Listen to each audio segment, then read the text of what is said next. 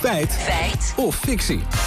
Gaat vandaag Lammert over vrijspraak in Russische rechtszaken. Ja, want als je daar vastzit en in afwachting bent van het oordeel van de rechter, dan is de kans groot dat je wordt vrijgesproken nihil.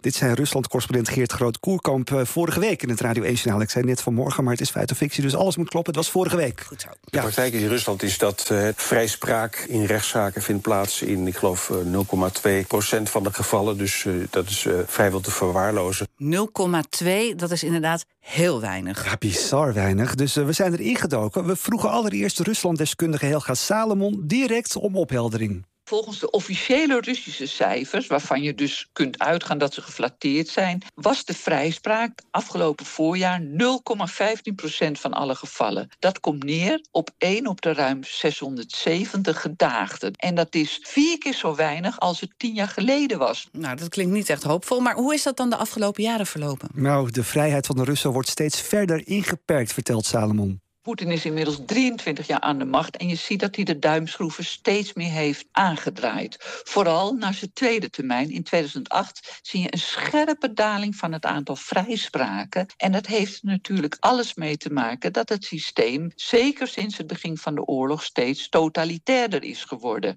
En wat je dan ziet is een vicieuze cirkel waarin het repressieve apparaat, politie, justitie en vooral de geheime diensten in Rusland steeds meer slachtoffers verslinden. Ja, en als je het dan hebt over de politie, justitie of de geheime dienst, uh, kijk je naar de miljoenen aanklachten die tegen hen lopen. Ja, daarvan wordt slechts een handjevol mensen veroordeeld, zegt Salomon. En wat zegt, en wat zegt dat dan?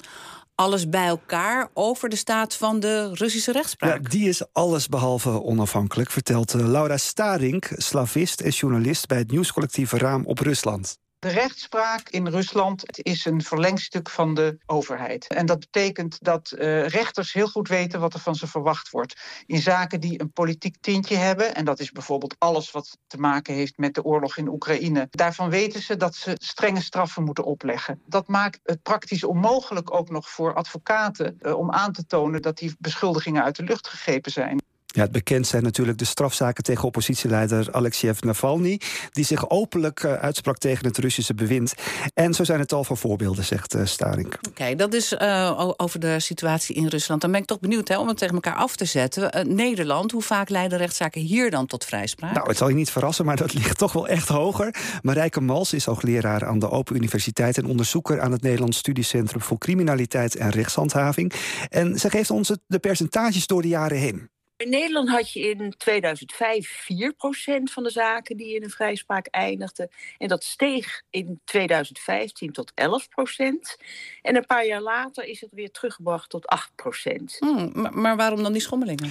Ja, dat heeft te maken met een aantal rechtelijke dwalingen... waarin uh, mensen ten onrechte dus zijn veroordeeld. Denk aan de Puttense moordzaak of de Schiedammer Parkmoord. Het kan zijn dat rechters daar zo van zijn geschrokken dat ze daarna veel voorzichtiger zijn geworden en mensen minder snel hebben veroordeeld. Maar na 2015 is het aantal vrijspraken dus weer gezakt. Dat kan komen omdat dan inmiddels die dwalingen alweer een tijdje geleden zijn. Dus dan is dat bewustzijn van dat risico kleiner geworden. Ja, vanwaar, vandaar dus die wisselende aantallen. Maar het Nederlandse percentage vrijspraken is op dit moment heel normaal, zeggen experts. Oké, okay, normaal. Goed. Ja. Tijd voor de conclusie dan? Ja, vindt in 0,2% van de Russische strafzaken vrijspraak plaats. Nou, de cijfers laten zien van wel, namelijk 0,15%. Ronden we die vijf achter de komma af, dan komen we op die 0,2. Maar ja, of het klopt, dat weet je bij Rusland niet. Maar de uitspraak is wel een feit.